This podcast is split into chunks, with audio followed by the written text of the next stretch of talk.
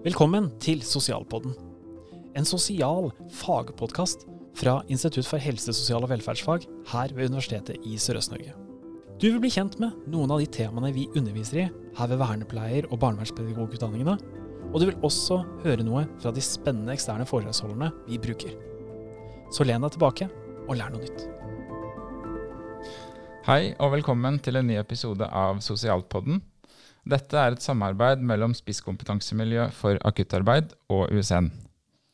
Mitt navn er Anders Bonstad Johansen, og jeg er fagspesialist i spisskompetansemiljø for akutt.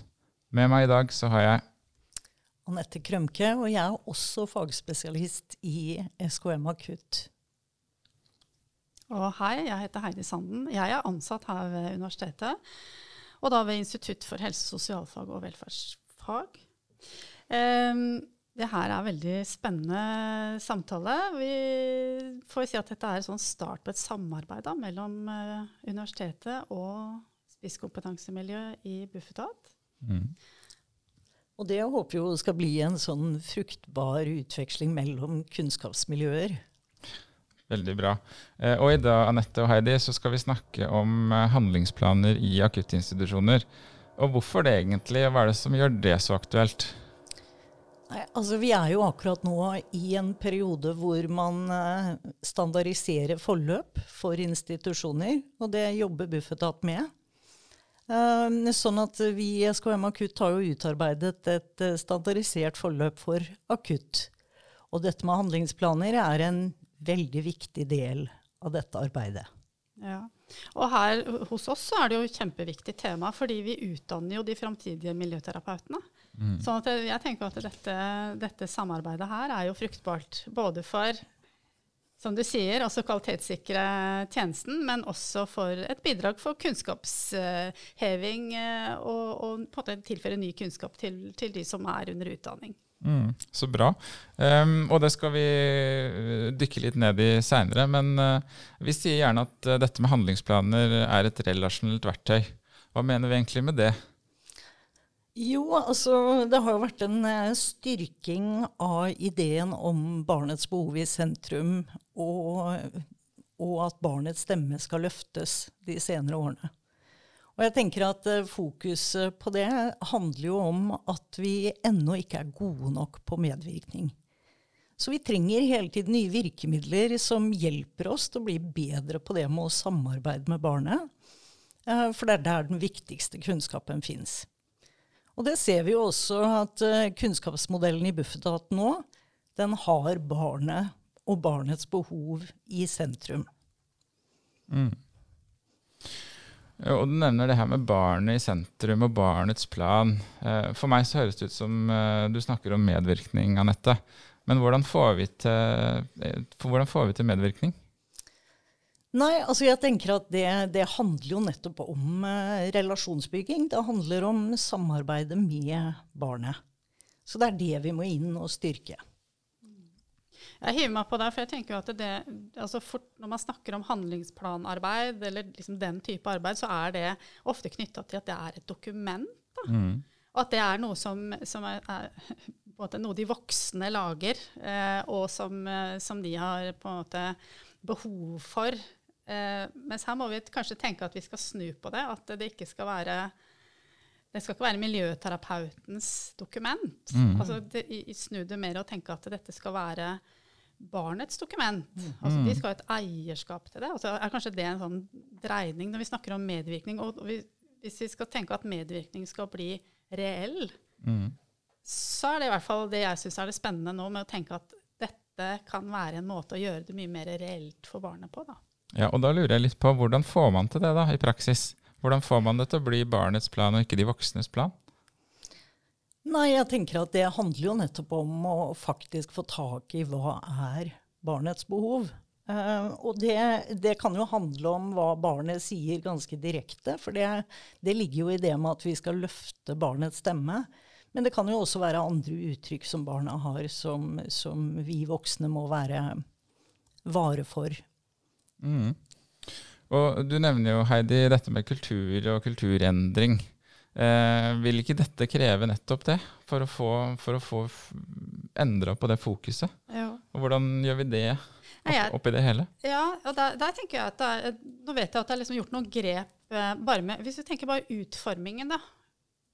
Hvilke språk skal hvordan, liksom, Hva skal språket være i, i den planen? Mm. Ehm, hvis vi snakker om at det er barnets plan, Mm. eh, kommer jeg-stemmen fram? Altså er det, er det jeg som snakker? Mm. Altså barnet som snakker i denne planen? Eller er det, eller er den formulert i et voksenspråk som ikke på en måte gjenspeiler da hva barnets stemme er?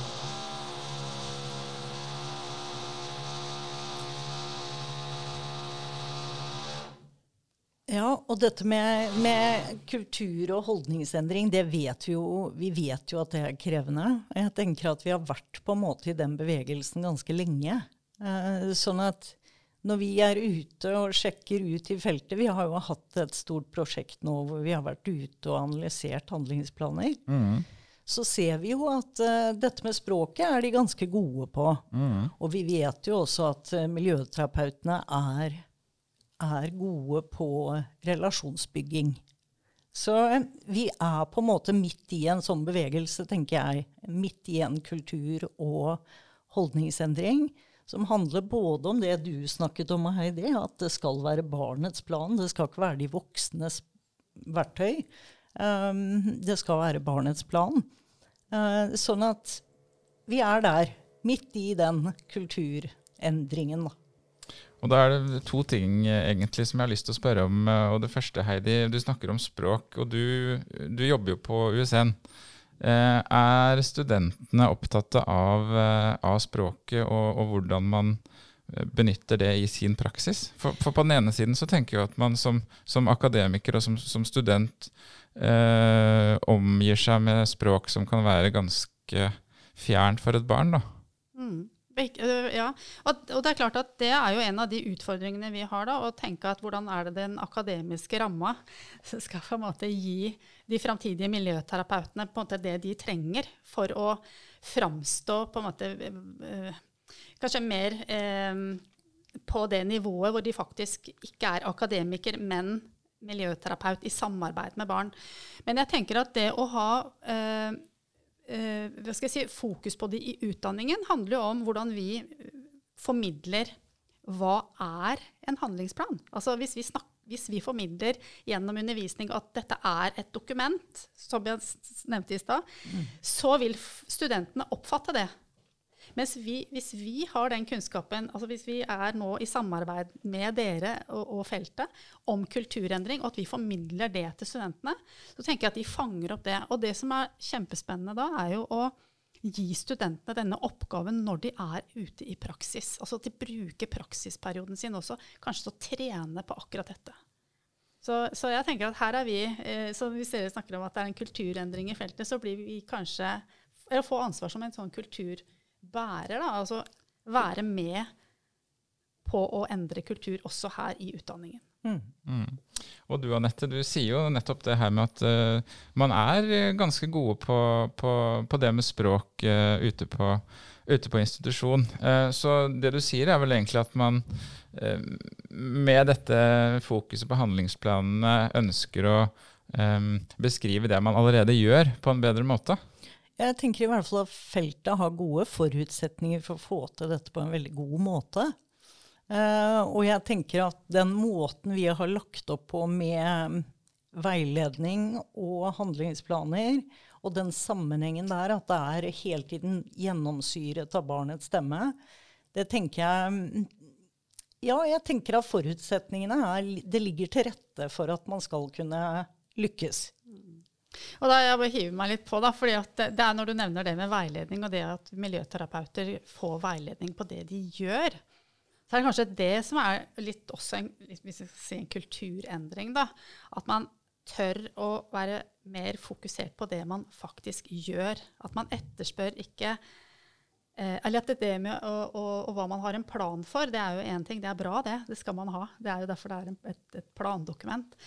Men at man i den jobben også er mer opptatt av hva man faktisk gjør.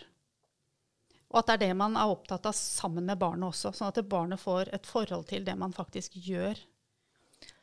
Ja, og vi, vi har jo vært veldig opptatt av at uh, handlingsplanen må bli levende. Det skal ikke være et skrivebordsverktøy. Det skal være et levende dokument som beskriver praksis her og nå. Eh, sånn at ja, Heidi, det er som du sier, man vil helt ned i praksis. Og på den måten tenker jeg at man også skaper fag hele tiden.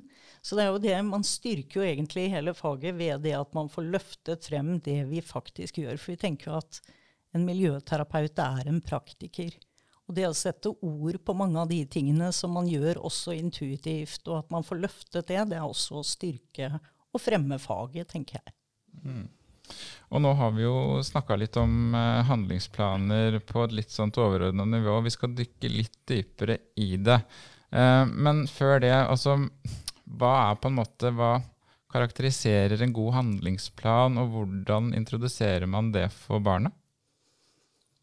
Nei, altså I forløpet så har vi jo lagt opp til at man eh, lager handlingsplanen veldig tidlig i forløpet. Sånn at den skal egentlig introduseres allerede i det vi kaller for avklaringsmøte til barnet. Da er det jo igjen veldig viktig da, hvordan dette formidles fra de voksne. Hvordan skal vi gjøre dette til noe som engasjerer et barn eller en ungdom? Hvorfor skal det være viktig for ungdommen å involvere seg i det arbeidet? Så den, den måten man velger å framsnakke handlingsplanen på allerede i det første møtet, tenker jeg er det er starten på et godt arbeid.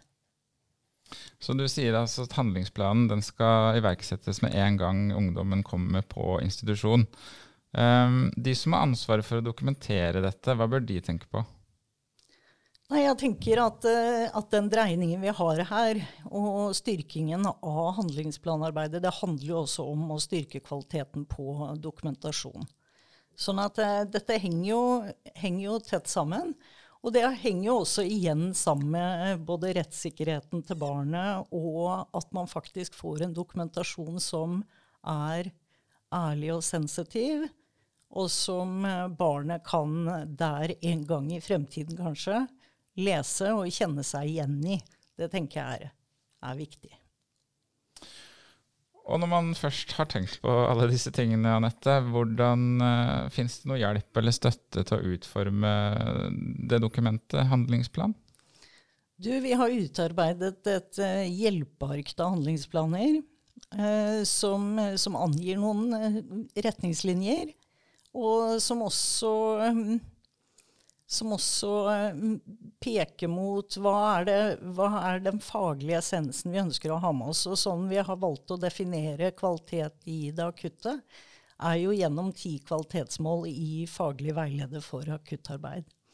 Sånn at uh, vi vil at uh, friteksten i handlingsplanen skal gjennomsyres av, av, det at man har et fokus på kvalitetsmålene, og hva de betyr i praksis i det enkelte barns forløp. Jeg hiver meg litt på der, for da jeg sitter og lytter og så tenker jeg at dette er jo Jeg vet jo at man, man tenker at vi må gjøre det mer håndgripelig. Da. For det er jo som du sier, Anette, hvis en skal presentere dette for ungdom, selge det inn, gjøre det, gjøre det kanskje attraktivt å mm. være deltaker i sin egen plan. da. Um, og da jeg jo, har jeg jo fanga opp at det, det benevnes også liksom mer som en plan for handling. At dette er liksom noe, noe som skal angå deg mm. helt konkret i hverdagslivet ditt. Så det er vel det jeg tenker at Når du snakker om kvalitetsarbeid og kvalitet, så, så, så handler det om kvaliteten for barnet i hverdagen. Altså helt konkret. Hva skjer den enkelte dagen? Hva er planen for dagen? Um, og at igjennom, Det er jo liksom der miljøterapeuten og ungdommen møtes. da, mm. I å snakke om helt konkrete ting som angår ungdommen. Og det må være attraktivt. Mm. Ja, og jeg tenker at det er litt sånn spot on i, i relasjonsarbeidet også. fordi hvis eh, miljøterapeutene fremstår som eh, trygge voksne, som, eh, som, er samstemte, og det bidrar jo en handlingsplan til at de voksne kan være, Eh, så, så, er det igjen et bidrag til god relasjonsbygging. Altså, altså at barnet kan ha tillit til, um, til de voksne. Uh, sånn at ja, det skal hele tiden helt ned i praksis. Og, og, vise barnet hva er det som skal skje, og og så er det det som må skje, på en måte. Man Men kan du ha tillit til det. Og så sier du, Anette, at det her så gjør det mer tilgjengelig for flere. Da. For det er jo kanskje, hvis vi snakker om det med eh, en litt sånn kulturendring, det å være mer transparent, eller det å gjøre det mer åpent og synlig. Eh, hva, for dere sier dere har jo vært ute og kikka litt i, i praksis. Hvordan er det? Er det mer synlig for flere? Ja, jeg tenker i hvert fall at det er en del av intensjonen. At man eh, samstemmer praksis eh, innad på en avdeling, sånn at eh, alle vet hva som skal skje, og hvem som skal gjøre hva og når. Um, sånn at i en handlingsplan, sånn som handlingsplanverktøyet er lagt opp i fagsystemet BIRK, som vi bruker i Bufetat, så er det jo sånn at man har et fritekstfelt, og så har man også delmål. Og disse delmålene ønsker vi jo skal eh, formuleres som såkalte smarte mål. Eh, og det er der man på en måte definerer hvilke strategier og virkemidler man ønsker å bruke, og hvem som skal gjøre hva, sånn at man får konkretisert. Og også helt ned til at man formulerer kriterier for å kunne svare ut om, om hvordan vi skal kunne se at det målet oppnås. Da. Så det blir veldig tydelig og, og konkret. Mm. Og dere snakker både om dette her med gjørenivå, eh, og du nevnte innledningsvis også de her kvalitetsmåla, Anette. Eh, hva er sammenhengen der, og hva er egentlig de kvalitetsmåla? Nei, disse kvalitetsmålene handler jo egentlig om eh, hva er det vi definerer som god kvalitet i det miljøterapeutiske arbeidet? Hva er det vi skal forsøke å oppnå? Um, og det, det skal jo på en måte være en rettesnor i forhold til hvordan miljøterapeutene legger opp arbeidet sitt eh, overfor det enkelte barn.